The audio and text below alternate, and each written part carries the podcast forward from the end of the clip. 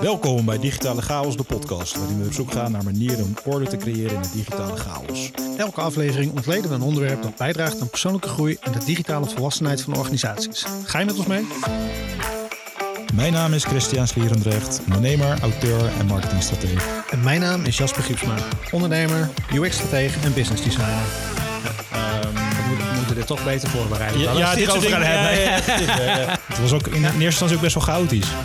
Ja, eigenlijk wel. Het is nog steeds een beetje chaotisch. we zoeken nog steeds een beetje naar wat nou, wat nou precies eh, eh, de, de, de, de rode lijn is in het hele verhaal. Je bent er, je bent er gewoon, je bent er gewoon aan het opnemen. Ja, die wel. Je gooit de begintune er nog in, toch? Eh, oh, die heb ik er net uitgegooid. Ik had de oude tune er nog onder staan. Oh, oké. Dat we wekelijks. Ja. Ah, dus we zijn al begonnen. We zijn begonnen, ja. Ja, welkom. Welkom, zijn we weer. Dat is ons, eh, onze begin eh, altijd een beetje. We hebben, we hebben een hele leuke gast vandaag. Ik, eh, ik vind het altijd prettig om dan, eh, zeg maar, als, je, als iemand een boek heeft geschreven, dan kan je gewoon de flaptekst oplezen om iemand te introduceren. Dus ik zal hem wel even aftrappen. Welkom Frans, Frans van Leeuwen. Dank je. Ehm, Frans van Leeuwen had een bewogen, maar avontuurlijke jeugd, waarin hij veel heeft aangekloot. En via verschillende basisscholen kwam hij uiteindelijk terecht in het speciaal onderwijs. Tot hij besmet raakte met het prestatievirus. En zijn masterdiploma bestuurs- en organisatiewetenschappen behaalde en vervolgens samen met zijn jeugdvriend Thijs Koedam een succesvol bedrijf opbouwde. Alleen één ding was hij onderweg vergeten. Aankloten. Dat is ook de titel van ons boek. Ja, Welkom in de podcast Frans, leuk dat je het bent. ja, vind ik ook leuk. Ja. Dank je. Ja, je leest het goed voor. Ja, de- ja als auteur. Ja. Moet je goed kunnen lezen als auteur? Nou Voorlezen? ja, het, het, het, li- het, link, het linkje, we hebben denk ik meerdere linkjes hier nu in deze driehoeks, eh, driehoeksverhouding die we hier zitten. Absoluut. Dus wij, wij, de- wij delen een uitgever, zitten bij dezelfde uitgever, Ja, dus ehm, eh, S2-uitgevers. En dat is dan weer via Jasper denk ik gelopen, via... Ja, nee, jij, jij zat eh, natuurlijk, Christian, jij zat bij, bij eh, S2 en Frans ken ik eigenlijk uit het verleden. Toen wij Ja. ons allereerste kantoor hadden, waren ze onze buren. Dat eh, we moeten maar niet te veel over die tijd hebben, denk ik. En die gekkigheid die we daar uitspookt. ja. we hebben heel veel getafeltennis. Heel veel vooral. tafeltennis. Veel, aangekloot Ja, ook. heel veel aangekloot. Ja, ik, ik was Ja. ook niet te verslaan met tafeltennis hoor. Dus dat, Nou, eh, nou. nee, nou, ik via die manier eh, al jaren met elkaar eh, natuurlijk in contact. En ehm, eh, toen gaf je aan dat je een boek aan het schrijven was, een uitgever zocht. Dus van toen, eh, toen legde ik een linkje inderdaad. Gaaf man. Ja. Ook mooie positie gehad in managementboek top 100. Ja, 23 dagen op eh, één uiteindelijk. Vet. Ja, Nice man. ja Mooie dat was prestatie. mooi. Dat was mooi. Was dat nou, een- was dat nou ook nog wel iets wat, wat, wat toen samen ging met, met, met vader, met een vaderdag? eh, Ja, ja, timing, daar- dat, of, eh? ja, dat had ik zelf niet heel goed over nagedacht. Volgens mij uiteindelijk de uitgever nog wel. Maar het kwam ook een beetje op ons pad hoor, moet ik zeggen. Dus dat was een week of vier voordat we gingen lanceren op 8 juni. Dachten we, hey, het is eind juni ergens. Ik weet niet eens meer precies welke datum is het Vaderdag. En eh, toen zeiden ze, hey, dan moeten we wel actie hebben, publiciteit en zo. En eh, dat is toen ook een beetje gewoon gaan rollen, zeg maar. Eh, en dat heeft Managementboek zelf ook wel heel erg opgepakt. En dat heeft wel toen een enorme boost gegeven ook naar die nummer 1 positie. Tof man. Dus ik had zelf natuurlijk wel wat zakelijke inkopen op grotere schaal. Maar ik had het zonder die losse verkopen echt niet gered. Ja. Nee. Gaaf. Dus dat was wel heel lachen en verrassend ook wel hoor. Want er is wel een beetje over nagedacht, maar niet toen wij dachten van we gaan 8 juni lanceren van hey, het is dan vaderdag. Dat helemaal niet. Ja, oh, mooi hoe dat dan samen kan Ja, komen. ja. Ja. van eh, organisch. Ja, Had je, voor het, had je voor jezelf wel een doel toen je, toen je eenmaal het, uitge het ging uitgeven? Van maar ik wilde van, wel een top 5 of zo halen, Ah. maar nummer 1, dat had ik niet. Weet je, de- de- ja, als je helemaal in de top 5 staat, dan, dan wil je ook op nummer 1 staan. Dus dan word je echt ja, heel ik, heb- ik, eh, ben narcistisch ik ben gestopt op je drie, dan. dus ik, ik kan nog wel Ja. jammer joh, jammer joh. Nou, ik, ik heb wel gemerkt bij mezelf dat het wel hele rare krachten met zich meebrengt. En ook bij andere auteurs.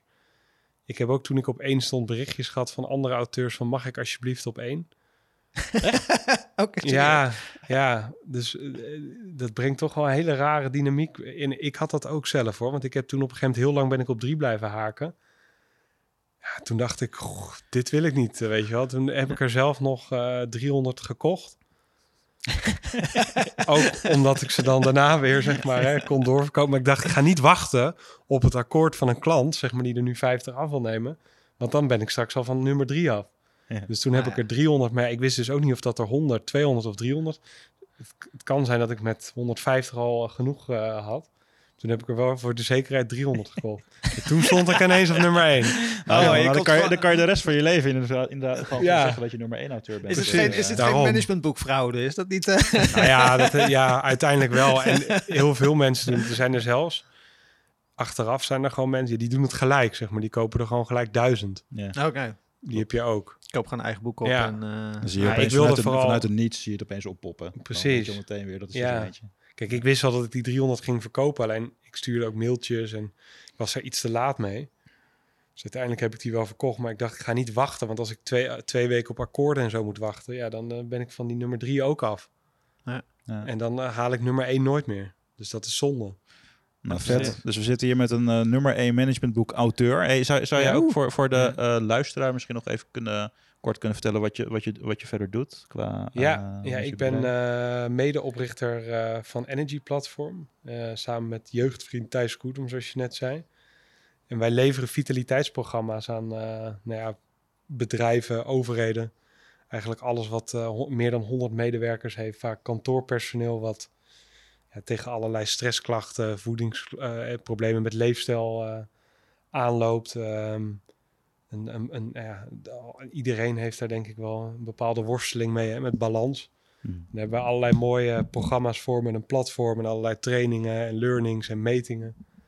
Waardoor we echt het bedrijf helemaal ontzorgen eh, ja, op dat gebied. Vet. Ja, Hey, en, en, ja, we, zoals onze naam betaalt, uh, dig, betaald digitale chaos. wij bereiden meestal niet heel veel voor. We hebben eigenlijk maar één, één vraag die we standaard stellen. Ehm, en dat is hoe, digitaal volwassen eh, vind jij jezelf?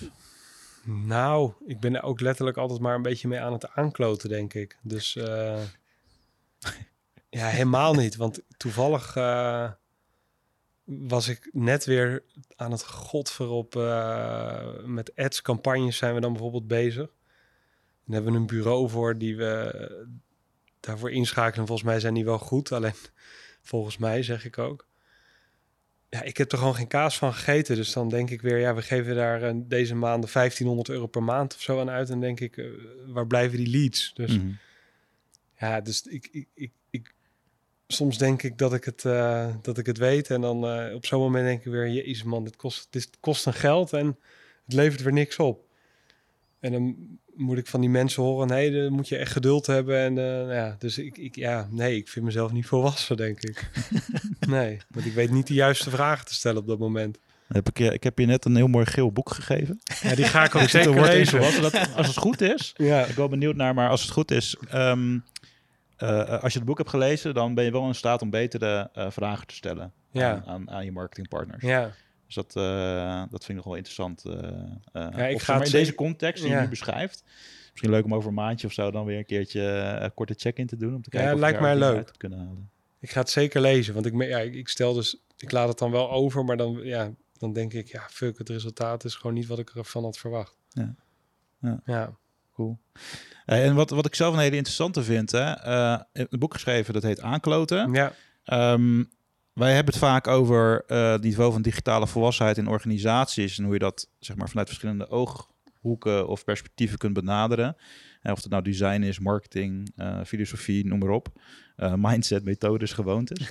ja. Ehm, dus ik vind het ook wel een hele interessante van, zie jij daar een soort van connectie van het thema aankloot is een fucking relevant thema, blijkbaar. Want veel Ja. mensen die, die kopen het boek, die lezen het.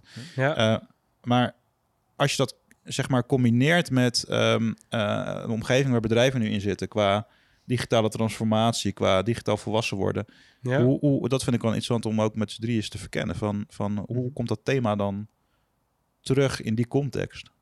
Nou, eigenlijk zeg maar letterlijk dat boek nog niet. Ik denk wel dat het is niet vanuit die context geschreven, maar eh, ik heb wel heel veel reacties uit die hoek. Dus je merkt toch zeg maar vanuit ja, een beetje eh, op één hoop de technische, een beetje de creatieve hoek zeg maar dat heel veel mensen zich daar wel in herkennen of gelijk een associatie hebben met aankloten. Dus ik heb natuurlijk mijn eigen invulling gegeven van aankloten.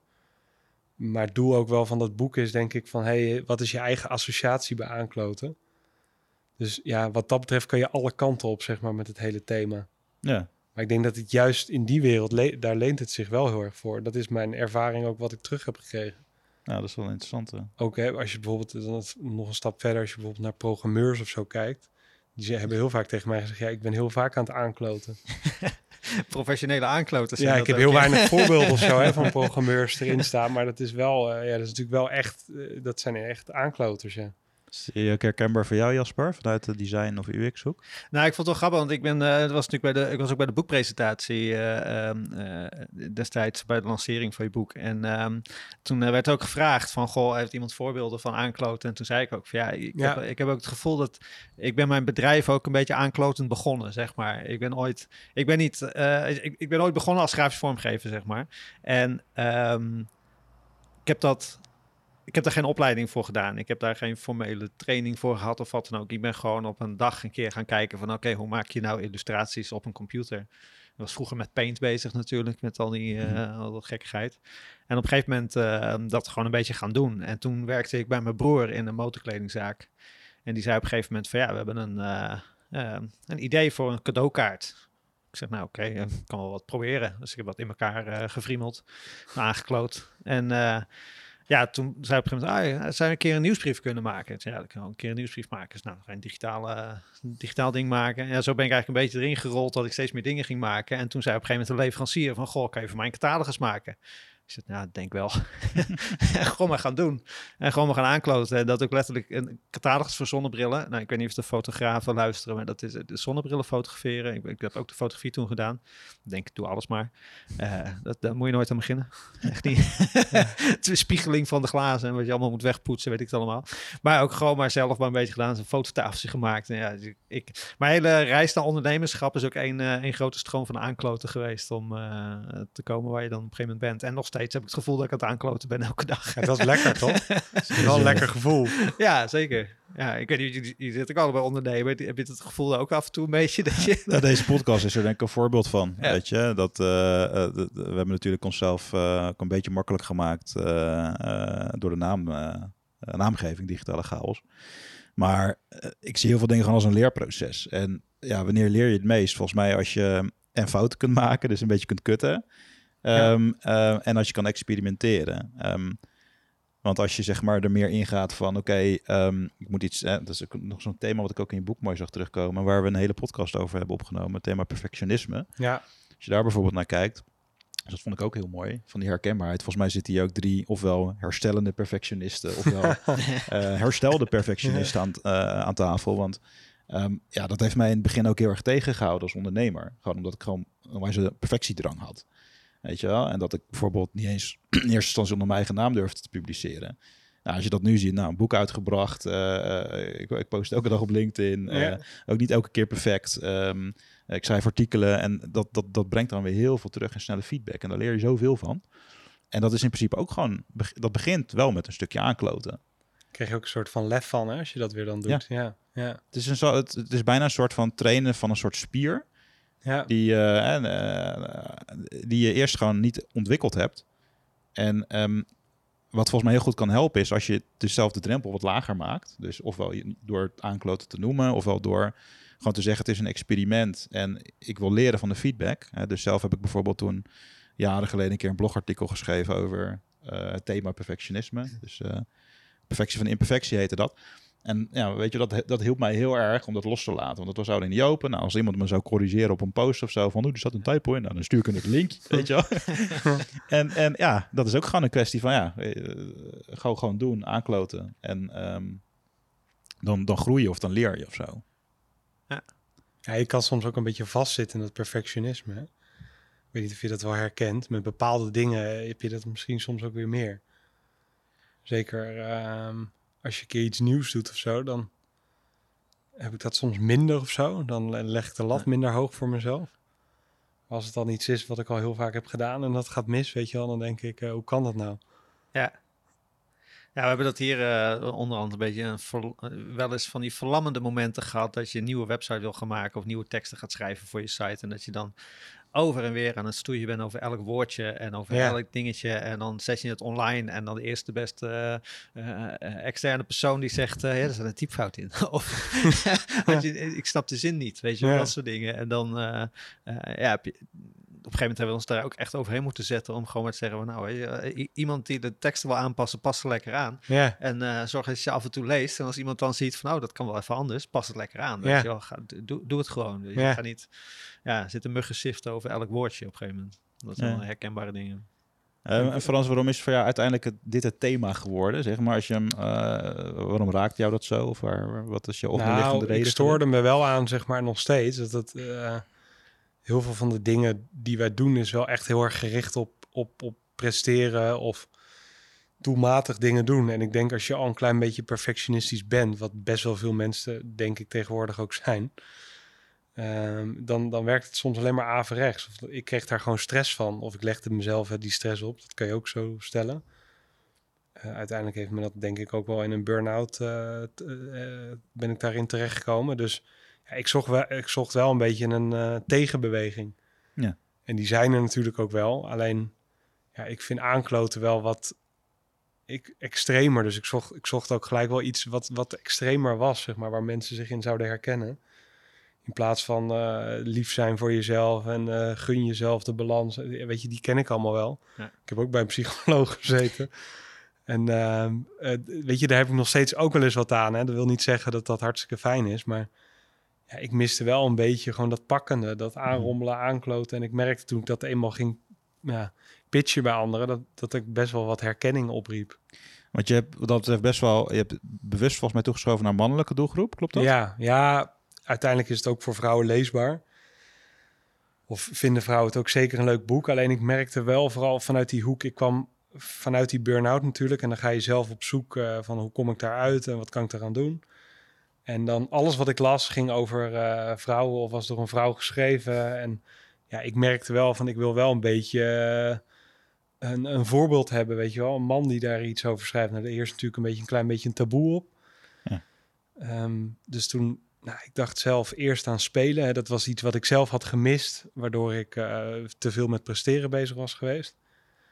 Ja, en toen later dacht ik, ook door er met anderen over te praten, die zeiden, ja, je moet eigenlijk een woord claimen. En toen dacht ik, nou, wat is nou een mannelijk woord wat er een beetje bij past? Dat is aankloten. Ehm, dus het is toch wel een beetje een mannelijke kijk op dingen, maar het is zeker eh, ook voor vrouwen geschikt. Ja, zo, heel veel vrouwen herkennen zich er ook in, want die zijn helemaal klaar met al dat zweverige gedoe. Ja. ja. Nou, dat merkte ik ook wel een beetje. Nou, ik wil niet zeggen dat ik in een burn-out heb gezeten, maar een beetje tegen aangerikt ook wel Ja. de afgelopen jaren. En ehm, wat je dan merkt als je van die bronnen gaat lezen, is, of, of, of dus podcast gaat luisteren of wat dan ook, het is heel vaak van ja, pak je rust.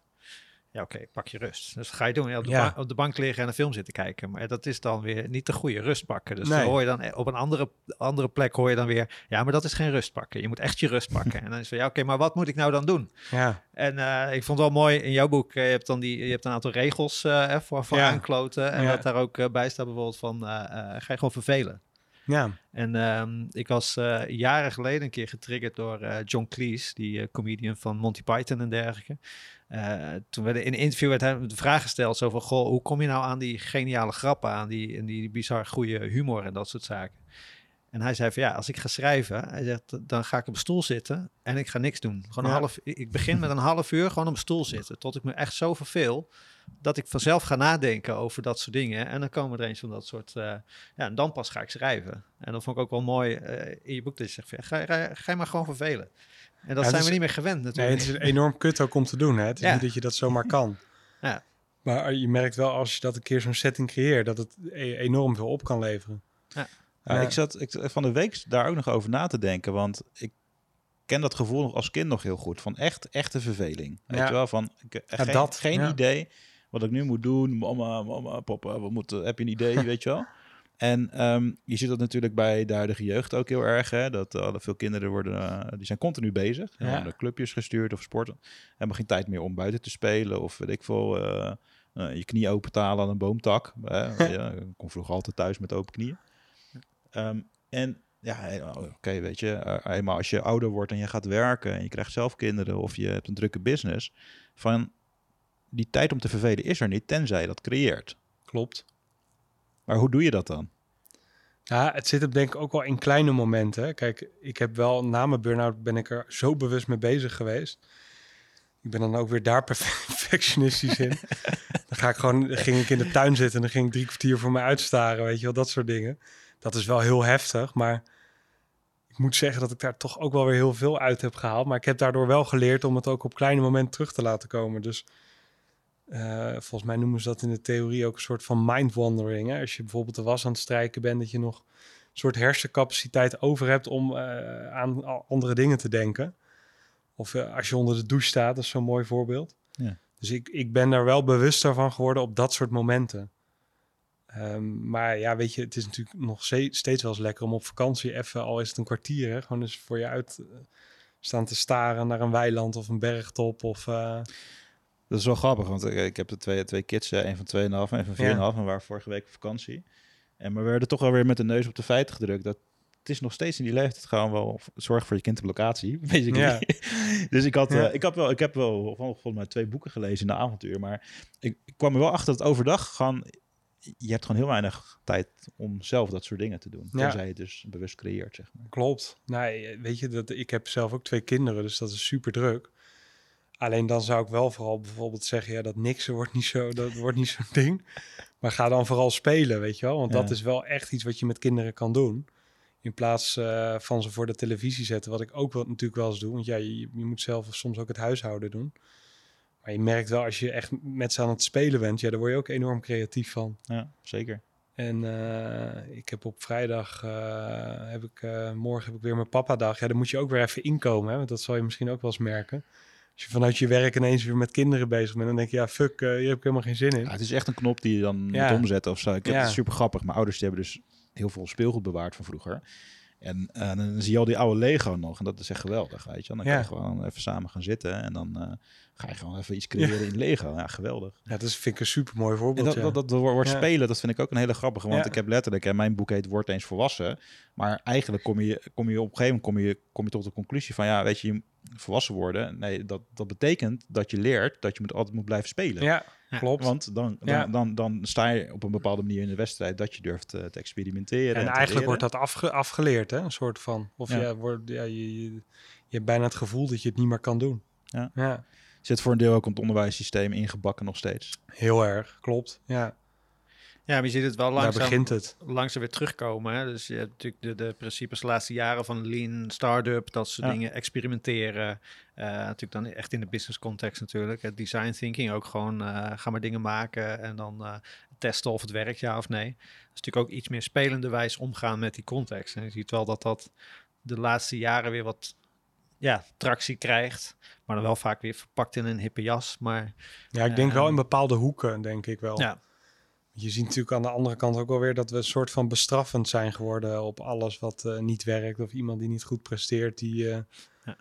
eh, terwijl de geniale gekkies, weet je wel, die, die, die komen vaak tot de mooiste dingen. En die filteren we er wel een beetje uit, heb ik het idee soms.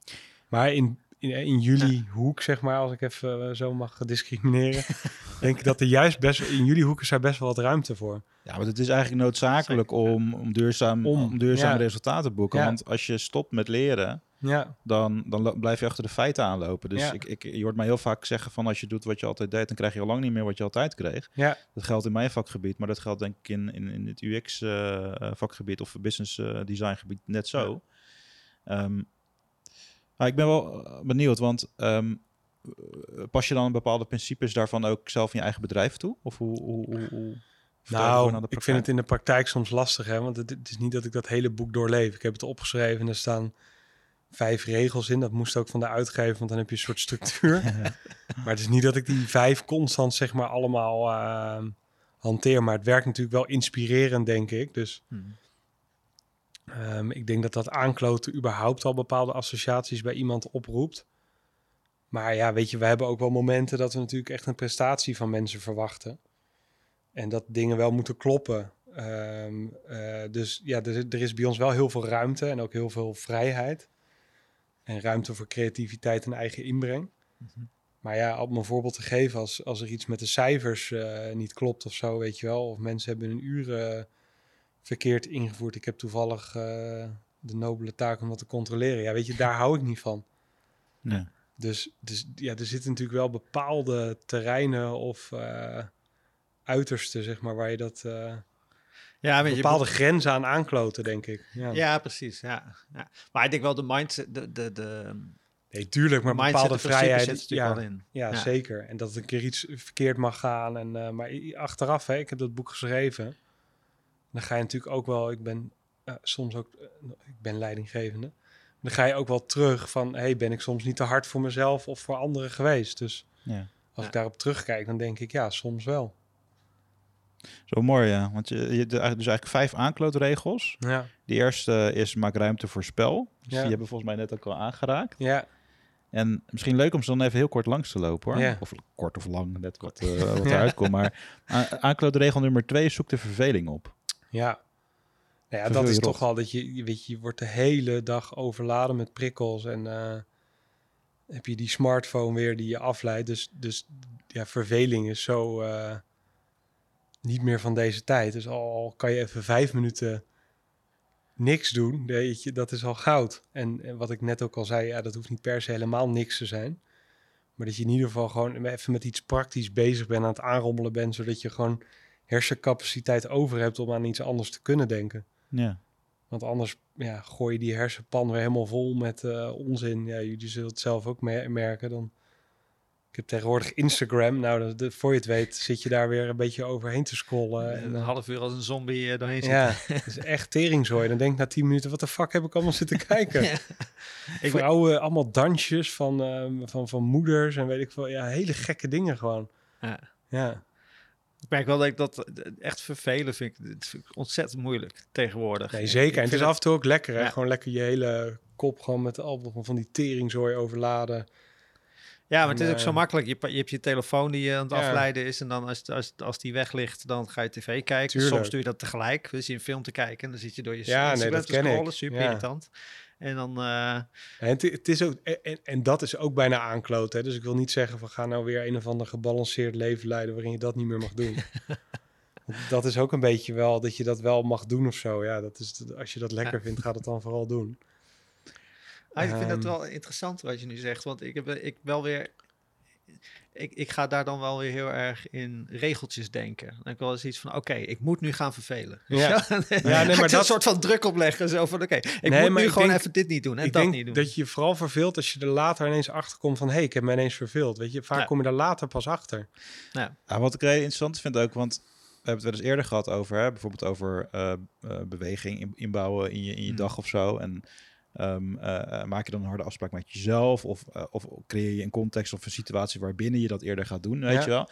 Maar wat ik dus heel erg zie, je hebt heel veel van die productiviteitsgoeroes en zo. En, en nou, zelf ben ik daar ook best wel veel mee bezig. Van hoe optimaliseer je dan bijvoorbeeld uh, je, je efficiëntie en zo in een dag? Ja. Dus dan, nou ja, ik, ik, ik, check mijn mail bijvoorbeeld niet aan het begin van de dag. Ik zet mijn telefoon op stil. Ja. Um, ik, ik, ik, ik, box heel erg de momenten dat ik mijn werk doe. En dan bouw ik dus ook in dat ik ga wandelen smiddags. Want dat zorgt ervoor dat ik me weer kan opladen. En daarna weer fris aan de slag kan. Maar dan gebruik je het soort van methodisch. Uh, terwijl je dat moment ook zou kunnen gebruiken om gewoon, om het gewoon maar gewoon als, als wat meer aankloten te zien. Zodat het ook daardoor misschien nog wat meer creativiteit gaat brengen of zo. Nou, dat denk ik ook. En ik denk wel, kijk, het is ergens wel goed dat jij zo'n methode hebt gebruikt. Want kijk, in die gedragsverandering werkt dat wel zo dat je dat op een gegeven moment dan eigen maakt. Of in ieder geval een deel blijft ervan hangen. Dus misschien heb je het aan het begin ook wel nodig hoor. Maar ik ben daar vanuit ons werk ook heel erg mee bezig geweest. En met dat productiviteit uh, omhoog krijgen, focus en noem het maar op. En ik denk dat het op een gegeven moment ook goed is als je een paar van die elementen zeg maar hebt aangebracht. En ehm, dat dat lekker voor je is. Maar je kan er ook helemaal in doorschieten. En dat is ook wel een beetje de wereld waarin wij leven. Met al die protocollen en het productiviteitsdenken en efficiëntiedenken. Ja, ik dacht toen ik al die uh, training had gegeven en al die boeken had gelezen, ja, fuck, dit is het ook niet, weet je wel. En uh, ik was er zelf natuurlijk ook weer helemaal lekker in doorgeslagen, zoals ik uh, vaak in dingen doorsla. dus ik, ik zocht eigenlijk wel de tegenreactie daarop. En ik moet zeggen dat er nu echt steeds meer boeken verschijnen. En niet, die, hebben, die heten geen aankloten, maar wel een beetje op dat vlak. Ja, het hangt een soort van in de, in de ether, zeg maar. Zeker, ja. Er worden echt wel wat artikelen geschreven de laatste tijd. En dus ik, ik, was laatst op een event. Nou, daar was wel echt letterlijk ging dat ook een beetje over dit thema. Ja. Dus er is wel iets gaande. Ja, Ja. eh, Ik, merk, ik merk bij mezelf ook, eh, ik ben ik, ook steeds bewuster. Bijvoorbeeld, ik heb Ja. deze week nu gewoon een soort van aanklootweek. Ja, In de zin van een week vakantie geweest met de kids. Maar dan wel de week erop. En ik heb gewoon einde van het jaar, weet je, denk je naar over je plannen voor volgend jaar. ja, Een paar belangrijke beslissingen te nemen. En dan gewoon puur die ruimte creëren. hè, Om gewoon nou, een podcastje op te nemen, een beetje te lezen. ja. Een beetje niks te doen, ook tussendoor. Eh, die ruimte heb je denk ik ook gewoon nodig. Om, Ja. om, je, om je beslissingen kwalitatiever te maken. Ja, zeker ook. Je hebt een druk gezinsleven en dan daarnaast nog dit. Ja, dat, dat kan niet anders eigenlijk. Dan, eh, dan heb je die ruimte gewoon nodig. Ja. Om, om eigenlijk goed te kunnen presteren. Ik vond het wel grappig wat je net zei, want eh, dit over die boeken die de laatste tijd uitkomen. Ik zat laatst een, eh, een boek te luisteren dan. Ik heb zo'n eh, zo'n app waarin je die samenvattingen van managementboeken kan luisteren. Ja, voor mij heette die The Right Brain. En dat ging over het principe van, ehm, je ziet dat we uit een tijd komen waarin we vooral het rationele deel van het brein hebben aangesproken. Dus ook Ja. inderdaad die hyper-efficiency, eh, steeds maar weer meer doen in minder tijd en al dat soort gedoe. En dat we eigenlijk nu naar een tijdperk gaan waarin we veel conceptueler gaan denken, zeg maar. Dus, dus een, een hoop dingen worden weggeautomatiseerd. Dus de makkelijkere banen worden Mhm. ook een beetje uiteindelijk weggeautomatiseerd. We gaan naar een iets ehm, ja, meer creatiever, meer conceptuele tijdperk gaan we in. En ehm, natuurlijk komen uit die informatietijdperk waarin dat hele rationele brein werd aangesproken. En nu moeten we eigenlijk wat meer weer die creatieve kant en die empathische kant gaan Mhm. aanspreken. En dat, die beweging zie je natuurlijk al gebeuren nu. En wij zitten dan in, in het vakgebied UX design. Ja, tien jaar geleden eh, moest je helemaal uitleggen wat het was. En nu Ja. merk je dat mensen naar ons toe komen en zeggen van ja, we hebben dit nodig. En ehm, dat zie je ook inderdaad wel in de managementboeken. Dat er steeds meer wordt gekeken van oké, dat rationele, dat, dat, dat snappen we nu wel. Maar hoe gaan we nou die creatieve kant op? En de Ja. opkomst van design thinking, al dat Mhm. soort uh, Ik zie, hem, ik, ik zie hem in marketing ook heel erg terugkomen. Want je hebt zelfs, zeg maar, eerst eh, kon je alles meten, zeg maar, met Ja. data. Kan nog steeds heel veel meten met data, maar cookie-wetgeving maakt het steeds moeilijker. Er komt steeds een groter stuk wat een soort van dark social wordt. Ja. Eh, eh, en dat, ja, dan is de, de, de reactie dat, eh, dat je dus ook weer meer creatief moet zijn. Ja. Meer moet nadenken over je verhaal of je verhalen. Ja. eh, je positionering. eh, en dan komt dat ook weer bovendrijven. Dus dat is een soort van synchroon. Op heel veel vakgebieden is dat volgens mij gaande. Ja, en dat is natuurlijk ook gewoon eh, wat je zegt. Vroeger met Google Ads, dus nou vroeger een paar jaar terug kon je nog eh, inderdaad allemaal trucs uithalen om hoger in Google te komen. En dat ja. wordt, wordt steeds meer natuurlijk van, eh, nee, het principe is een goed verhaal vertellen. Het principe is juiste informatie bieden Ja. voor de juiste mensen. Ja. Als je dat je doel blijft, dan zul je altijd eh, goed kunnen scoren in, eh, in, in, in SEO, bij wijze van Dat spreken. vind ik ook mooi aan boeken, weet je. Boeken zijn verhalen. En verhalen zijn zo oud als de mens. Ja. Ja. Ja, en het, het- dat heb je ook gemerkt. Het is ook tering inefficiënt, want het kost super veel tijd, een boek schrijven. Ja, of je kan het, ja, misschien heb jij het heel efficiënt gedaan, maar ik niet in ieder geval. Nee. Misschien ook bewust, omdat ik dacht van het is aankloten. maar dat vond ik wel het mooie ook van een boek. Het levert in euro's, zeg maar, hè, de boekverkoop, als je eh, met de investering kijkt, ook geen reet op. Maar het is wel een mooi proces, omdat het een soort ambacht is. En Ja. het is echt aankloten. En ja, het is totaal niet eh, rendabel eigenlijk. Ja, misschien uiteindelijk in wat het oplevert daaromheen. Hè, dat, dat, dat moet ik ook nog gaan ervaren. Maar eh, het is ook niet meer van deze tijd. Hè, dat je je tijd ergens instopt waarvan eh, je niet weet wat de uitkomst is. En, Ik maak, ik maak de vergelijking regelmatig. dat boek schrijven zie ik als een volg van een MBA over jezelf en je business. Ja. Als het een managementboek is. En ik heb het wel zo Ja, ik heb er ook heel veel tijd in gestopt, zeg maar. Het is een proces van meerdere jaren geweest. Maar de spin-off is wel al, echt al, zeg maar, nu al zoveel groter. eh, dat het echt ook gewoon super rendabel is geweest. ja, Dus niet, niet secte boeken verkoop, maar inderdaad... ja, jij zit eh, wat verder al ehm, in het proces. Ja, inderdaad, Ja. klanten die je aantrekt, gesprekken die het opent. eh dus als ik het zou doorvertalen naar omzet, dan heeft, dan heeft zich dat echt eh, vele malen al eh, terugverdiend. Ja, terwijl als je er op voorhand mee bezig gaat zijn of zo, dan het is ook een leuke bijkomstigheid dat het eigenlijk zo is. Nou, Ja. dat is ook, want dus, Ja. jij zei net, hè, toen ik mijn boek aan jou gaf, oh, dat is ook wel een zwaar ding, of een groot ding. En dat is volgens mij 600 gram of zo.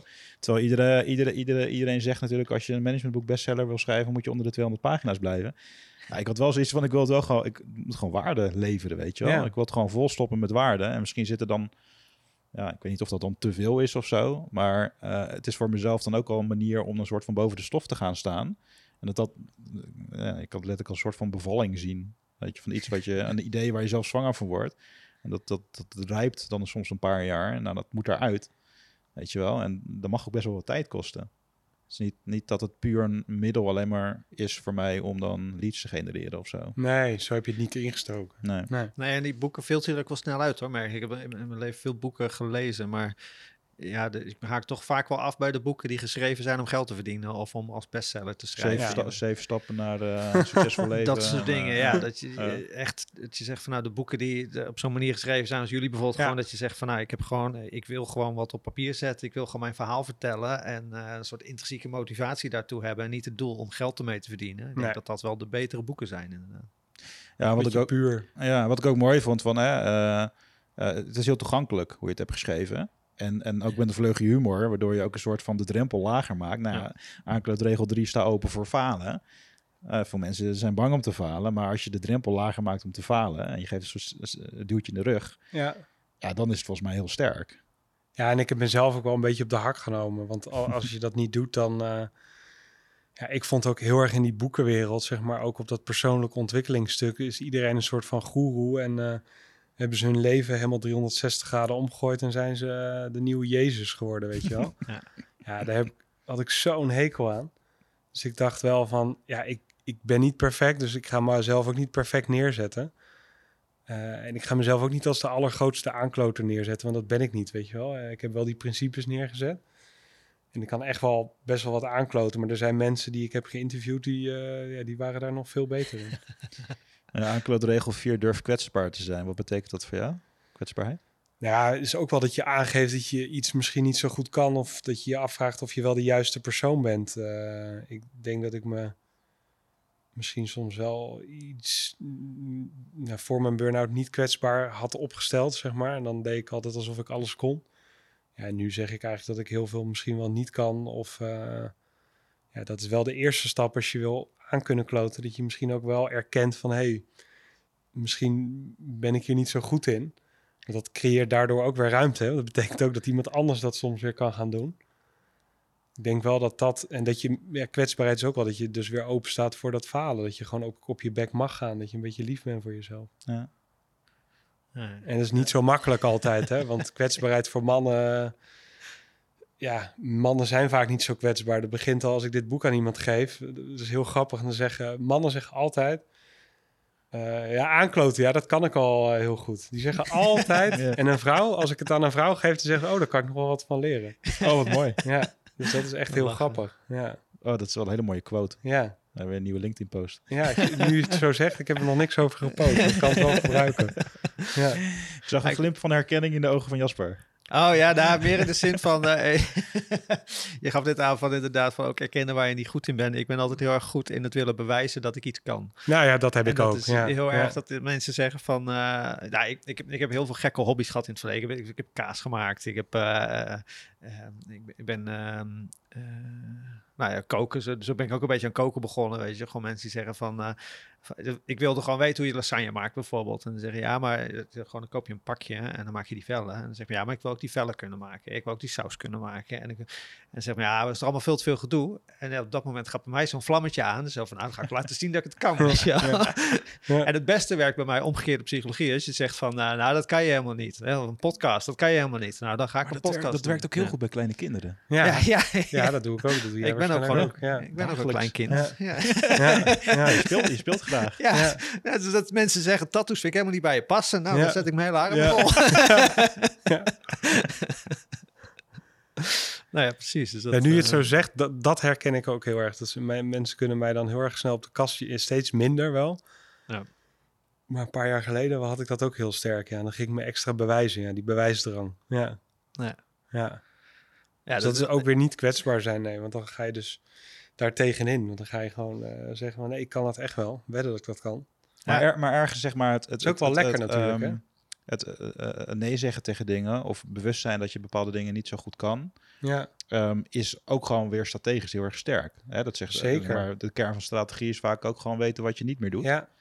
Um, en wat dat betreft kan het dus weer juist heel erg uh, mannelijk zijn om Klopt. wel die, die, die, die, die keuze te maken of een soort van het besef te hebben van oké, okay, um, andere mensen kunnen dit beter. Klopt. Nee, het is, ja. het is natuurlijk, je bent mega effectief als je het wel kunt. Maar je eigen ego zit, zit dan misschien soms ook weer in de weg. Ehm, dus het is ook wel iets wat je moet leren en een aantal keer moet ervaren, zeg maar, om dat, om daar, om dat te kunnen doen. Ja, een soort van het herkennen Ja, dat het in je opkomt en dan Ja. observeren van oké, dit is, Ja. dit, dat is dus mijn ego die, ja, die dit tegen me roept. En, Ja, dat eh, is natuurlijk iets wat überhaupt heel vaak in de weg zit, je eigen ego op dat vlak. Ja. Dat heb ik zelf ook wel gemerkt door de eigen ontdekkingsreis. En dat zit nog steeds wel eens. Ja, dat, dat, dat blijft een lastige. Is het nou je ego eh, wat dat eh, wil gaan doen? Of ja, dat... Ik denk dat ook wel, de, de topondernemers die ik heb geïnterviewd, ja, die hebben dat... Zijn door, eh, door jaren heen ook een stuk wijzer geworden. Ja, dat zijn natuurlijk de ultieme aankloters geworden. Omdat ze gewoon heel veel dingen hebben uitbesteed, losgelaten. eh, en een beetje zijn gaan aanrommelen en zijn gaan proberen. En, en omdat ze ook op een gegeven moment hebben ervaren dat dat een aantal keer succes had. Ja, het is, moet wel succes hebben. Hè? het is grappig, want ik, ik had van de week eh, ook een, een, LinkedIn-postje geplaatst. En ehm, daar beschreef ik letterlijk ook in van, ja, weet je, ik, toen ik begon met ondernemen was gewoon 100% ego gedreven. Ja, want ook, ik wilde ja. voor mezelf werken, Ja. ik wilde vrijheid, ik wilde een omgeving creëren Ja. die bij, bij me paste. Ja, En, eh, maar op een gegeven moment, toen, ja, toen kwam ik wel tot de conclusie dat het een soort van, dat liet wel een soort van leegte achter toen ik dat allemaal had bereikt. Weet je, Ja. elk jaar nieuwe omzetgroei. Ehm, en toen op een gegeven moment toen ben ik wel wat meer gaan nadenken van, oké, hoe kan ik dat meer omtunen tot een soort missiegedreven manier van werken? En toen ging er opeens van alles gebeuren wat veel meer te maken heeft met creëren, nou noem het aankloten. Ehm, dus minder, minder gestoeld op, zeg maar, oké, je doet het vanuit je ego, maar je doet het meer omdat het bijdraagt aan iets groters. Misschien heeft het ook mee te maken dat ik vader ben geworden. ja. Zou ook zomaar kunnen. Ehm, maar dat was zo'n observatie die ik al bij mezelf zag gebeuren. Ik dacht van, hé, er is wel iets aan het veranderen, zeg maar. Daar krijg je ook automatisch energie van natuurlijk als je dat doet. Ja. Ja, Ja, ik dat, dan, dan is die herkenbaar. Want als je er als iets meer energie geeft dan dat het kost, ja, dan, dan raak je volgens mij iets, iets wat, wat, wat daar heel goed in op aansluit. ja. Maar vind ik ook mooi aan het vorige punt van durf, durf te falen. Ehm, eh, ik heb ook in het begin, heb, voor mij heeft het heel erg geholpen om met een partner een bedrijf te gaan beginnen. Bijvoorbeeld om met, met, eh, met een vriend van mij dan een, bedrijf te beginnen. En nu merk ik het ook weer met personeel. Ik heb altijd heel erg de neiging, als ik iets zie gebeuren, van oh wacht, eh, doe, het, doe het maar zo, want eh, ik, heb, ik heb ervaren dat dat dan beter is. Of laat mij het maar doen, want eh, dan, eh, Ja, dan, dan, dan, dan gaat het op mijn manier. Of, of nou, nou, dat, dat, dat nou, klinkt zo slecht als het is, ja. Eh, maar eh, heel erg moeten leren van, ehm, ik heb bepaalde, ik weet bepaalde oplossingen of weet bepaalde dingen, omdat ik in het verleden heb een fout heb gemaakt en heb gemerkt van, oké, dit is hoe ik dat dan voortaan moet doen. En dat kun je duizend keer tegen iemand zeggen, maar heel veel dingen moet je zelf ervaren om, Mhm. ehm, eh, om die les te leren. Dus je kan hier, dan merkte ik hier ook, dat ik heel veel gesprekken had met medewerkers of met Joey of wat dan ook over eh, hoe, kan je, hoe kan je dit nou voorkomen? Hoe kan je deze situatie nou voorkomen? En eigenlijk de ruimte niet meer liet eh, voor hun om Nee. hun eigen fouten te maken of hun eigen lessen eruit te halen. En Ja. ook misschien met oplossingen te komen die ik nog niet eens bedacht had. Ja. Ja, En eh, dat, dat, dat is het proces wat ik de afgelopen tien jaar ook een beetje doorlopen heb met, met Daily Creations. Dat je ziet van oké, wacht, maar ehm, het klinkt alsof ik een super egoïst was of zo, maar, of, of, eh, maar eh, mijn oplossing is niet de enige oplossing, weet je Ja, maar dat is ook weer lastig. het want is Het is ook weer je eigen ego, je eigen geld. Hè? Dus je Ja. eigen toekomst en je eigen... Dus dat speelt natuurlijk ook mee. Er spelen veel meer belangen eh, mee. Ja. Ja. Ik denk dat dat ook wel... eh, het is wel eerlijk dat je het ook zegt. Maar eh, dus, ja, als, als ondernemer heb je ook zoveel petten op. Mhm. Waardoor je op een gegeven moment ook niet meer weet... eh, zeg maar, waarom je misschien eh, wat, wat, wat strenger of wat feller uit de, eh, uit de hoek komt zetten. Ja. Dat herken ik zelf denk ik ook. Hè. Dat zei ik ook wel als het om getallen of financiën gaat, dan eh, geef ik mezelf eigenlijk weinig ruimte om te falen en anderen ook weer. Ja. Omdat ik denk, ja fuck, dat, eh, daar heb ik mezelf mee en anderen dus ook weer. Hè. Dus, Ja. maar er zijn natuurlijk genoeg terreinen waar je dat wel, waar je die ruimte wel kan geven. Ja, dat is le- letterlijk wat jij net zei over Google Ads. Eh, ik, ben, ik ben op een gegeven moment maar gewoon gaan aankloten. Ja, ga een beetje spelen. Gewoon maar Ja. opgezet en een beetje opgetuigd. Ja. En eh, nou, bij ons leverde dat dan vrij snel wat op. Nou, dat is Ja. leuk om te zien. Maar vervolgens eh, ook weer zoiets van, oké, dat draait. Weet je wel, volgende. en dan kom je er na twee jaar ja, achter. terwijl bij Google Ads niet Nee. nee. the way to go is. Nee. Kom je na twee jaar kom je erachter van, nou, oh ja, wacht, misschien moeten we die teksten ook aanpassen. Want op de website zijn we wel heel stap verder. Ja. Dus dat, eh, Ja, dat is ook wel herkenbaar. leuk dat je dat zegt. hè, Dat sommige dingen draaien soms. Dat dat ook. dat comfortabele, dus in dit geval, dan is het ook wel weer lekker als je geprikkeld wordt als er iets ge- moet gebeuren. Ja. Dat je ook weer gedwongen wordt om een soort van aan te gaan kloten. Ja. ja, want de urgentie tot verandering, als de Ja. urgentie tot verandering ontbreekt, Ja. dan is het ook lastig om positieve verandering Ja. draaiende te houden. Ja, En dat, ja, weet je, dat eh, eh, we hebben bijvoorbeeld afgelopen jaar zijn we een beetje eh, de transformatie doorgegaan met ons eigen team van ehm, dat je veel meer faciliterende rol eh bekleedt, of me- meer die richting uitbeweegt. Ehm, alleen die verandering die maak je met een lopend bedrijf. Dus je moet zeg maar, heel bewust dus die momenten inbouwen dat je daar aan, aan het werken bent. Want de urgentie eh, is er niet per se vanuit eh, je businessmodel. Terwijl we, een ander, terwijl we het businessmodel willen doorontwikkelen, zeg maar. ja dus dan moet je dus wel echt gewoon momenten in de tijd blokken Ja, om daarmee bezig te zijn. En dus daar ook ruimte in te creëren. eh, om daar de aandacht op te, op te, op te richten. en hoe doe je dat dan? Ga je dan ook echt met pen en papier zitten of is dat juist gewoon niks doen? Nou, we hebben wel bepaalde eh, ritmes. Dus Ja. eh, zeg maar twee keer per jaar een soort van visieontwikkeling sessie. Waarbij je dan ook je, zeg maar, daarna ook weer je team aanhaakt. En vanuit je eigen rol gaat kijken hoe kan je daar aan bijdragen. En dan terugkerende momenten, zeg maar, dat je gewoon bewust stilstaat bij die transformatie. Ja, oké. Dus er zit wel een soort, een soort ritme achter. Ehm, maar ik vind het wel heel erg herkenbaar dat als de urgentieprikkel er niet is, dan gaat zo'n verandering vaak langzamer. Mhm. Ja. Ja, dan, dan, dan denk je, dit, is, dit voelt wel lekker, dit is wel goed zo. Ja, terwijl je misschien ook nog, wel kan denken, ook nog wel kan denken van ja, ik, je, wil, je wil die verandering wel realiseren en je weet dat het moet gebeuren. Ja, Alleen het, het tempo vlakt misschien wat af doordat dat het iets te comfortabel is of zo. En dan, je zou er ook voor kunnen kiezen om het jezelf minder comfortabel te maken, bijvoorbeeld. Ja, ik denk dat dat inderdaad soms heel erg... Ja, soms is de situatie ook dat dat gewoon eigenlijk oppopt. Hè? En ik denk dat we dat ook allemaal wel herkennen. We hadden dat bijvoorbeeld ook in corona met ons bedrijf. Hadden we ineens enorm veel eh, stress omdat heel veel dingen onzeker werden. Ja. Maar ook terugkijkend daarop was het ook weer een hele leuke tijd. Een hele dynamische tijd. Eh, een tijd waarin we enorm veel nieuwe dingen hebben gedaan en hebben aangekloot. Ja, Ja, het is, Zo, ja, als ook. Het is heel herkenbaar. Ja. We hadden het ook. Er vielen wat. Nou, er er kwam wat tijd vrij, laat ik zo zeggen. Er kwam wat ruimte in. Ja, we, we hebben niet super negatief ervaren, maar wel wat, wat ruimte gekregen. En daarin gingen we ineens naar dingen kijken van, oh ja, wacht. Die huisstijl, moeten we daar niet eens wat mee doen? Ah ja, die, eh, die strategie, zullen we dat nog eens even wat, wat, wat strakker neerzetten? En er kwam ineens wat ruimte vrij om over die dingen na te denken. En Ja, ik werd net een beetje getriggerd. Ik dacht misschien eh de idee voor een tweede boek, eh, zakelijk aankloot. Ja. Ja. Als je af en toe ook gewoon eens bedenkt van nou, ik ga gewoon eens even rommelen aan die strategie. ja. Gewoon niet, niet wachten tot die urgentie er is van we moeten ineens veranderen, want er komt een recessie aan of weet ik veel wat. Nee, gewoon eens even gewoon, laat ik eens even gewoon lekker gaan rommelen. wat wel lekker is aan zo'n moment dat je moet, hè? Dus dat, dat, dan ga je echt aankloten of zo. Je wordt Ja. gewoon gedwongen. Nou, We, hadden, we, hadden, we hebben het er wel eens eerder in een andere episode over gehad, maar we hadden het met ons team net zo, weet je wel. Want je Ja. wordt gewoon in een crisis ingeworpen, een chaos ingeworpen. En de meeste mensen raken een soort van in paniek of zo. Eh, Maar eh, ja, we hadden allebei zoiets van, van ja, dat we een soort van wel gedijen in chaos of zo. Ja, En Ja. dat je daardoor een soort van rust krijgt, heel raar, ja. in je hoofd. En daardoor gewoon dat het heel duidelijk is van, ja, je moet gewoon bepaalde keuzes gaan maken. En dan komt ineens een bak aan creativiteit los.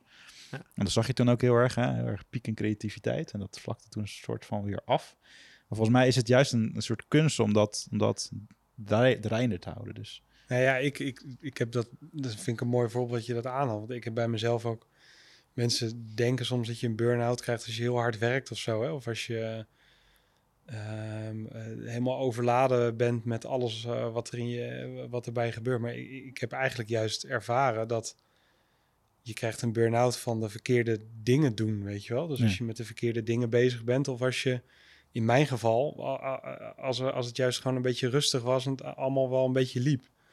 Terwijl als, als ik heel veel stress kan krijgen, dan is dat voor mij ook weer positief. Ja. Dus dat ja, is je hebt heel verschillende, soort- verschillende soorten stress. Kan ze even niet even opramen, maar wat was het? Eustress Ja, en nog een eustress, ja, andere je hebt eh, acute stress, klopt. Ja. Er zit ook weer allerlei... Dus, dus dat is eigenlijk ook wel een soort van positieve stress, omdat je er energie van krijgt, omdat je heel veel dingen voor elkaar krijgt. Terwijl als je... eh, ik- heb dat bijvoorbeeld ook als, als op een gegeven moment zo'n boek loopt en ik denk, nou het loopt, dan denk ik, ja, dit was het weer, weet je wel. oh, heel herkenbaar. Ja, ja dus dat, dat heb ik ook weer gedaan. Ja, ja, precies. Eh, kan ik niet een nieuw boek gaan doen of Ja. zo? dus dat is dan ook weer een voorbeeld. Dan zeggen mensen van, oh ja, leuk hè, dat boek. En dan denk ik, nou, ik vind het eigenlijk al lang niet meer leuk. Ja. Eh, het heeft voor mij, het heeft voor mij ongeveer anderhalf jaar gelezen, na publicatie, dat ik mijn eigen boek weer een keer heb gelezen. Oh ja, En toen moest ik de check gaan doen voor de tweede druk. ja. Je bent echt, maar je, bent- je bent er zoveel mee bezig geweest Ja. dat je denkt van laat het maar even liggen. ja je bent er er helemaal gaat uit. iets gebeuren, weet Ja. je wel. Eh, Dus ik denk ook wel weer dat, weet je, het is juist goed. En dan krijg je echt niet zomaar een burn-out van, om jezelf gewoon echt uit te dagen. Ja. En dat is wel mijn ervaring. Ik denk dat het bij iedereen weer anders is. Maar Ja. ja, nogmaals, die burn-out heb ik dus niet gekregen van... eh, eh, ja, misschien wel te weinig uitdagingen op dat moment. Of dat alles een beetje liep en dan ga je, ga je zelf wel zoeken. Of Ja. stress krijgen van dingen waarvan je denkt... Oh, dat had ik helemaal niet verwacht dat ik daar stress van kreeg. En welke rol nam dan aanklootregel nummer 5? Neem jezelf niet te serieus daar nog eh, een plek in? Nou, ik nam mezelf denk ik toch veel te serieus. Omdat op een gegeven moment, ja, ik had wel wat succesjes bereikt. Ik was natuurlijk van origine een echte aankloter, speciaal onderwijs, heel veel kattenkwaad uitgehaald. eh, Heb je wat in voorbeelden? aanraking gekomen met politie en justitie. Ja, weet je, wel, zoveel ellende. En daarna, op een gegeven moment ook, zat ik in de flow en eh, studies afgerond. En eh, uiteindelijk een masterdiploma in de IT terechtgekomen als consultant. En daarna zelfs een eigen bedrijf opgezet wat succesvol werd. En dan denk je, nou, weet je wel, ik ben echt ik ben een grote jongen. Terwijl het slaat natuurlijk helemaal nergens op, want ja, je hebt een klein beetje succes. En het is ook heel relatief in vergelijking met... eh, want het- ja, dat succes is altijd relatief natuurlijk. En Ja. je gaat op een ging ik wel ook mijn status daaraan ophangen. Eh, terwijl ik ook weer niet zo heel erg statusgericht ben. Maar ja, dat ging toch wel weer doen. Ja, dan neem je jezelf denk ik automatisch wel op een gegeven moment heel erg serieus. Ja. Ja, wat ik, wat ik op een gegeven moment denk dat het een beetje door corona. en dat past niet bij mij hoor. Dus iedereen zijn ding. Maar bij Ja. mij past dat in ieder geval niet. Nee, precies. Ja. Nou, wat, ik, wat ik heel erg merkte was dat ik mijn bedrijf was mijn identiteit geworden op een gegeven moment. Ja. Dat als je dan in gesprek was met iemand, was het oh, hoe is het met je? Ja, wel goed. Hoe is het met je bedrijf? Dat was het vraag twee. Weet je, iedereen die dat stelde. Ja. En op een gegeven moment had ik echt zoiets van, ja, oké, maar eh, ik werk heel veel natuurlijk. Vind ik leuk. Ik, vind ook, ik heb ook altijd gezegd van, ik vind het leuk om te werken. Dus dan werk ik ook graag veel. Maar op een gegeven moment merk je wel, van, ja, eh, mijn mijn bedrijf en ik zijn eigenlijk niet meer ehm, te scheiden van elkaar. En los van het feit dat we Daily Creations meer als agency willen neer, hebben neergezet de afgelopen jaren als eh, Joey en Jasper, wat in het begin een beetje was. eh, Van dat, dat creatief duo wat ons dan helpt, maar dat werd steeds meer naar Daily Creations toe. Maar dan nog zat mijn persoonlijke identiteit best wel verweven met, met het bedrijf aan zich, zeg maar. Dat, dat, dat merkte ik. En daar had ik ook weer een goed boek over geluisterd, wat, wat, ehm, eh, wat zei van ja, de, de, de oorzaken van heel veel van dit soort uh, van burn-out klachten of depressieklachten, weet ik wel, Ja. is vaak ook een soort disconnectie. Klopt. Ja, dat Dus- heb jij mij verteld toen. En die heb Ja. ik, die ben ik nooit vergeten. Nee. Ja, nee. Het kan Nee. een disconnectie Zo zijn. voelt het met- voor mij namelijk ook. toekomst, eh, Of Ja. een disconnectie zijn met, met eh, wie je denkt dat je wil zijn. Ja. Dat, dat, dat soort, eh, ja. Ja, dat is wel. Er is zelfs een boek over geschreven, hè, dat disconnectiestuk. ja. Eh, dat is denk ik wel de beste omschrijving daarvan. Ja. En wat je zegt, dat hoeft niet alleen maar altijd aan te liggen dat je altijd maar keihard werkt. En, Nee, eh, helemaal niet. je hebt natuurlijk Nee. ook het principe van de bore-out tegenwoordig. Nou, dat ligt heel erg in het verlengde, ja. Ja. ja. je gewoon zegt van ik heb geen uitdaging meer in mijn leven. Ja, Nee. nee, daar kun je net zo goed depressief of eh, angstig of wat dan ook van worden. ja. Ja. is zware onderwerpen bij de regel. eh, neem jezelf niet te serieus. hè? Nee, maar zo is het. Ja. Nee, joh, weet je, zo is het wel. Kijk, ehm, ja, ook door zo'n burn-out ga je jezelf weer heel serieus nemen. Want dat, dat moet ook, hè? Want je moet dan Mhm. op een gegeven moment je grenzen leren eh, te bewaken. Maar als je ook daar weer om kan lachen, een soort van, hè, als je daar weer met het op terug kan kijken, dan is dat ook weer heel grappig. Ja. Dus ik denk in elke situatie, of je nou, eh, vind ik het wel leuk of helend als je jezelf soms niet te serieus neemt. Of je nou heel goed presteert, Ja. of misschien ook op het moment dat alles mislukt, weet je wel. Of als je gewoon echt helemaal naar de kloten bent of ziek wordt. Ja, weet je, dat is super ernstig natuurlijk. En dat moet je ook wel serieus nemen. Eh, maar ja, lach er wel om, denk ik dan. Ik denk dat ik het, het meest helende wat ik had in die burn-out was gewoon met vrienden erom lachen. Ja, Heb je, heb je nog een kon- leuke, anekdote? eh, nou ja, ik durfde er gewoon de supermarkt niet meer in, weet je wel. Omdat ik zoveel prikkels, alles was gewoon, eh, ik was helemaal gek geworden van die prikkels. Dus ja, dan, dan, dan, ik weet niet, dan verstijfde ik gewoon helemaal. Ja, als je daarover nadenkt, als ik nu de supermarkt inloop, dan denk ik, ja, hoe kan dat? Maar ik heb gewoon eh, die, die, die hamsters, weet je wel, van de Albert Heijn, die zag gewoon op me afkomen, weet je wel. Zo. dus, ja. dus daar konden natuurlijk achteraf echt wel enorm hard om lachen. En Ja. ook wel in mijn, eh, in de periode na mijn burn-out toe ging ik een soort van overpresteren. Mhm. En daar hebben we ook wel om kunnen lachen. Want dan ging, ik ik sloeg dan helemaal door in sporten en in gezond eten. En dan, eh, ja, dan ging ik anderen ook vertellen dat ze dat moesten doen. Ik, heb, eh, ik ben toen in die periode daarna ook getrouwd. En ja, er was een rooster. Een vriend van mij die heeft ook daar een heel, eh, hele roost aan gewijd. Van, ja, want ik ging anderen ook overtuigen. nee, als je dit doet, zeg maar. Hè, en als je dat doet, nou, dan word je echt een beter mens. Weet je? Want Dit is de nou, van- oplossing. Ja. dat was de oplossing. Want dat was ook mijn eigen passie. Want we waren al bezig met vitaliteit. Net zoals jij hier ook. Ja, je eigen passie bent gaan volgen in je bedrijf. Dat was bij mij ook. Dus, Ja. En ik ging dat in extreme uitvergroten. Dus ik werd een soort van mezelf en mijn bedrijf. Dat ging heel, allemaal in elkaar overlopen. Terwijl ja, weet je, ik nam mezelf veel te serieus. Ik ben ook maar een mens. Met eh burn-out en eh, gebreken en allerlei, ja. Of, of soms ook ongezond eten, ja. Ja. Omdat het lekker is. Gisteren nog friet op. Oh, lekker. Lekker. Ja, heel veel ook. Beetje last van nog steeds. Ik ben net, net, net een week op vakantie geweest en toen zaten we in een hotel. En dan had je elke avond gewoon een all you can eat unlimited buffet. Super lekker Oh, ja. eten, maar oh my god. Ik zat na drie dagen, na drie dagen friet. Toen eh, de rest van de week geen aardappels meer. eh, ik kapot. ik heb mezelf kapot gegeten met patat. zeg Maar, Ja, ik vind het wel grappig, want je zei net van eh, dat hele gezonde eten. Zei, Ik ben de afgelopen half jaar eh, 20 kilo afgevallen. En eh, ik heb dat gedaan met, eh, met, met een ander eh, voedingspatroon. En ik had juist bij mezelf zoiets van, ja, ik ga niet mensen zitten overtuigen van dit geheel. Ik ga niet zitten vertellen Nee. dat dit the way to go is. En alleen door, mensen zijn natuurlijk wel nieuwsgierig hoe je dat doet. Dus je gaat het dan een beetje uitleggen. En door het te uitgebreid te willen Ja, dan ga je daarin mee. Ja. ga ik toch mensen toch weer, ga je toch weer een beetje de, Ja. de, de halve goeroe uithangen. en Zo van, ja, maar dit, eh, ik zeg, ja, maar het werkt voor mij heel goed. Maar dat betekent niet dat het voor iedereen zo is. Weet Nee. je, maar dan- als toch ben je een soort van sales pitch aan het houden voor zoiets. Nee, je gaat daar wel in mee. ongeluk heel erg. Klopt. Ja. Ja, of zit dat dan een soort van in je eh, automatisme of zo? Of, Je eh, ego wordt gestreeld dan, hè? Zo van... eh, Nou, maar het ik- zit ergens ook in een, gewoon Ja. een enthousiasme. Ik ben, Ja. vond het gewoon vet. Ja, dat is het ook. Het werkte Dat bij mij het zo ook. goed. Weet. Ik viel een Ja. kilo per week af. Dus ik had echt zoiets van, ja, weet je, dat is gewoon...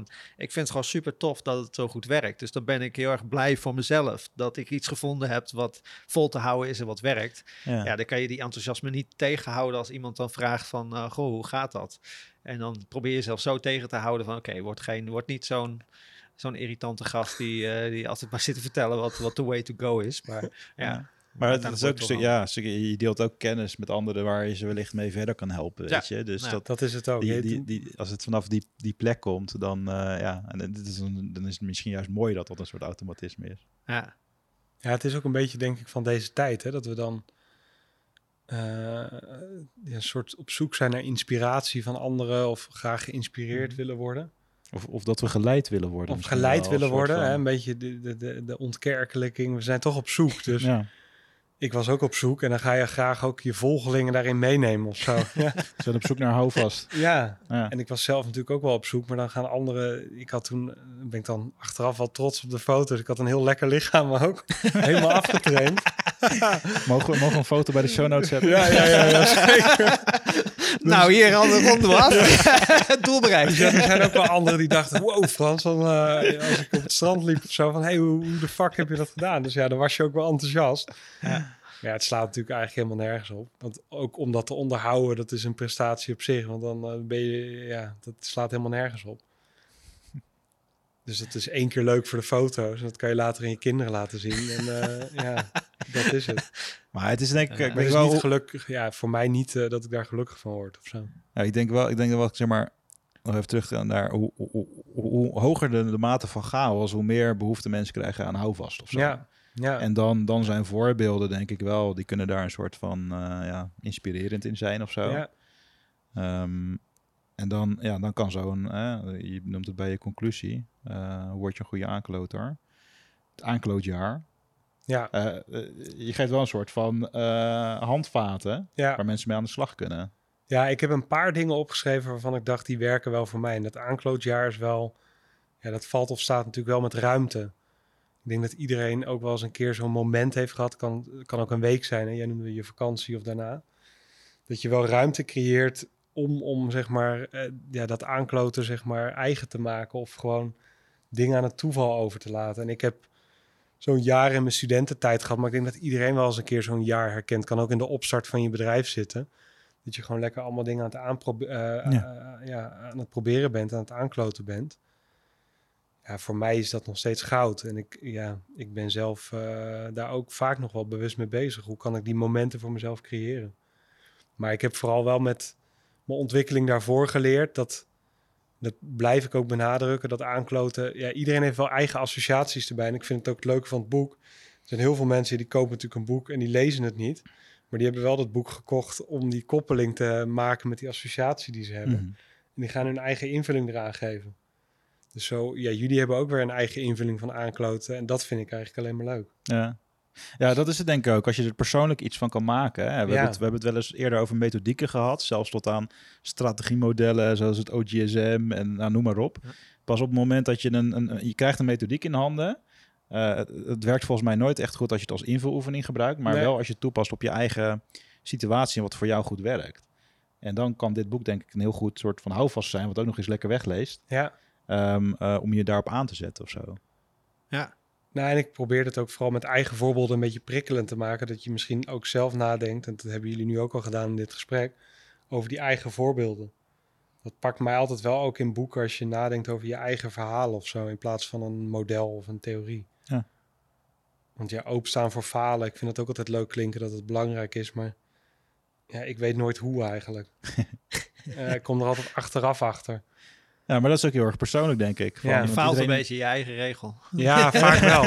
En ik kan er dan dus weer heel erg hard daarna om lachen, weet je wel. Ja. Dat is vooral mijn ding. Maar in het moment, ik ben per definitie niet iemand die heel goed is in falen of zo. Het begint volgens mij ook met achterhalen van waar zit dan je eigen Ja. leerpunt of zo. Ja. Of eh, is dat perfectie of zit er Ja. nog op iets anders? En hoe kan Ja, je dan ook die jezelf... kwetsbaarheid. Hè, van durf, Ja. je, durf je ook naar jezelf toe te geven op een gegeven moment dat, je, dat, je, dat dit gewoon misgegaan is. Dat je gefaald hebt hier. Ja. En dat, je dan, eh, dat het ook helemaal niet erg is. Nee, Ja, Of dat je, er, als je het niet zo... dat je er bewust bij stilstaat. Ja. Ja. maar ik En zou dat het om er snel overheen te stappen en dan weer door te gaan, weet Ja. je wel. Ja, en ik kan het persoonlijk altijd wel... Ik, ik kan er dus wel mee omgaan, maar dan kan ik weer heel hard zijn voor mezelf. Ja. En het knappe is, mensen die er echt goed mee om kunnen gaan... die heb ik ook wel een paar mensen om me heen, weet je... die zijn dan ook wel gewoon lief voor zichzelf. Die zeggen, pff, boeien, weet je wel. Of Ja. ja. die zegt niet eens boeien, maar die zegt, ja, kan gebeuren. Ja, Ja. ja. Dus en ik kan dan nog wel zeggen, ik kan dan eerst nog wel schelden en tieren. En eh, daarna kan ik het wel relativeren, maar dat duurt wel even. Dat heeft soms tijd nodig. Ja, Eh, ja, dus dat is nog wel een leermoment voor mijzelf. Ik denk dat we eh, zo nog wel een paar uur kunnen doorpraten. ja, maar volgens mij, Eh, gevoelsmatig zitten we al een uur. We zitten eh, aan een uur, ja. Ja, zo- dus oh, eh, kijk we aan. gaan... ik, moet, ik moet ook al pissen, joh. alleen maar Heb je dan, heb je dan misschien nog één grote uitsmijter of een tip die je wil meegeven aan de luisteraar? Nou, weet je, ik zou wel vooral op ontdekkingstocht uitgaan. Ga gewoon wel een beetje scheid hebben.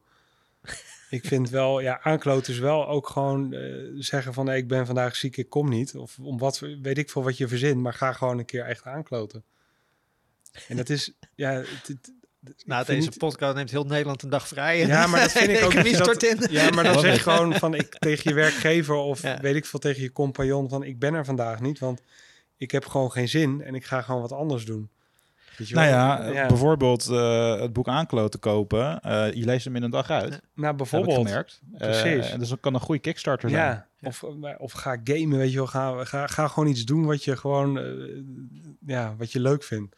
Maar ik vind het een- de, de tip die, jij- die je ooit, de, de, toen we op de Lomanlaan zaten, heb je het ooit een keer tegen mij gezegd en dat is me altijd blijven hangen. Dat je zei van, eh, eh, als je je dag niet hebt, ga dan, blijf dan lekker thuis. Ja, ga dan gewoon niet, ga niet jezelf dwingen om naar kantoor te komen en dan een, eh, een, een soort halve werkdag eh, die totaal niet efficiënt is Nee. of effectief is eh, voor je bureau te gaan zitten. precies. Maar als jij je dag niet hebt, zeg dat gewoon en ga, ga wat anders doen.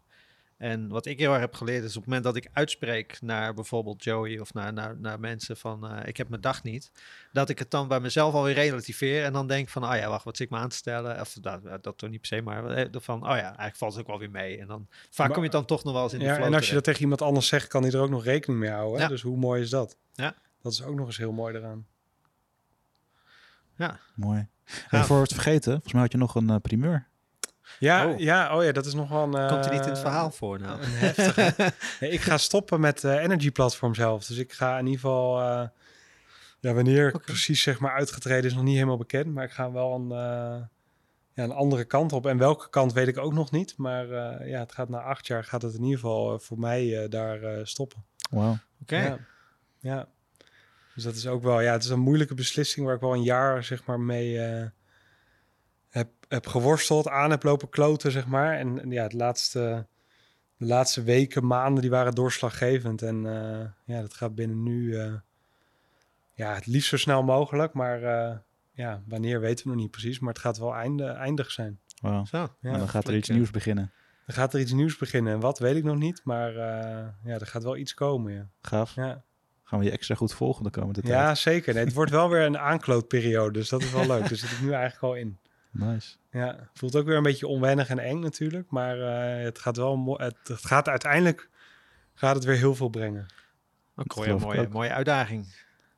Ja, Om zeker. weer, eh, weer iets heel anders op te gaan zoeken. Ja, Ja. klopt. Super Ja. gaaf. Nou, Nou, ik mooi. denk, eh, gezien het feit dat we al zo makkelijk een uur vol praten, moeten we moet over een jaartje maar even denk ja. gesprek denk Ja, kijken een jaar is staat. heel veel Vast een datum moeten plannen over een jaar. Ja, ik heb mezelf wel voorgenomen om ook een paar van die principes natuurlijk in eh, extreem eh, weer door te gaan voeren. Dus, Practice what you preach. Ja, dus twee, aanklootjaar maanden, zit, twee maanden falen. gewoon. aanklootjaar zit er wel Alles aan te komen. Awesome. ja, Ja, Mooi man. ah, super gaaf. ja.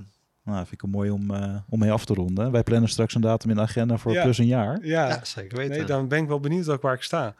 Probeer het ook wel los te laten. Want er zijn heel veel mensen die zeggen tegen mij... ja, hoe ga je dat dan doen? Je hebt een gezin en... eh, eh, ook al- allemaal goed bedoeld hoor. Maar ik denk, nee, dat wil ik dus allemaal niet bedenken, weet je wel? Ja. Ja, dus het wordt wel spannend.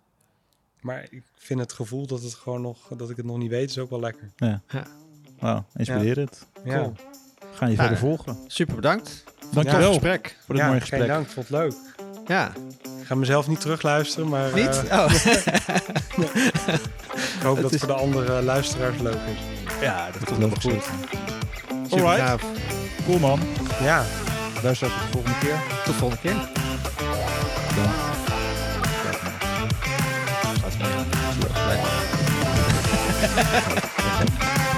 Dit zit allemaal in de fade. De goede Oh, ik heb niet op opnemen gedrukt.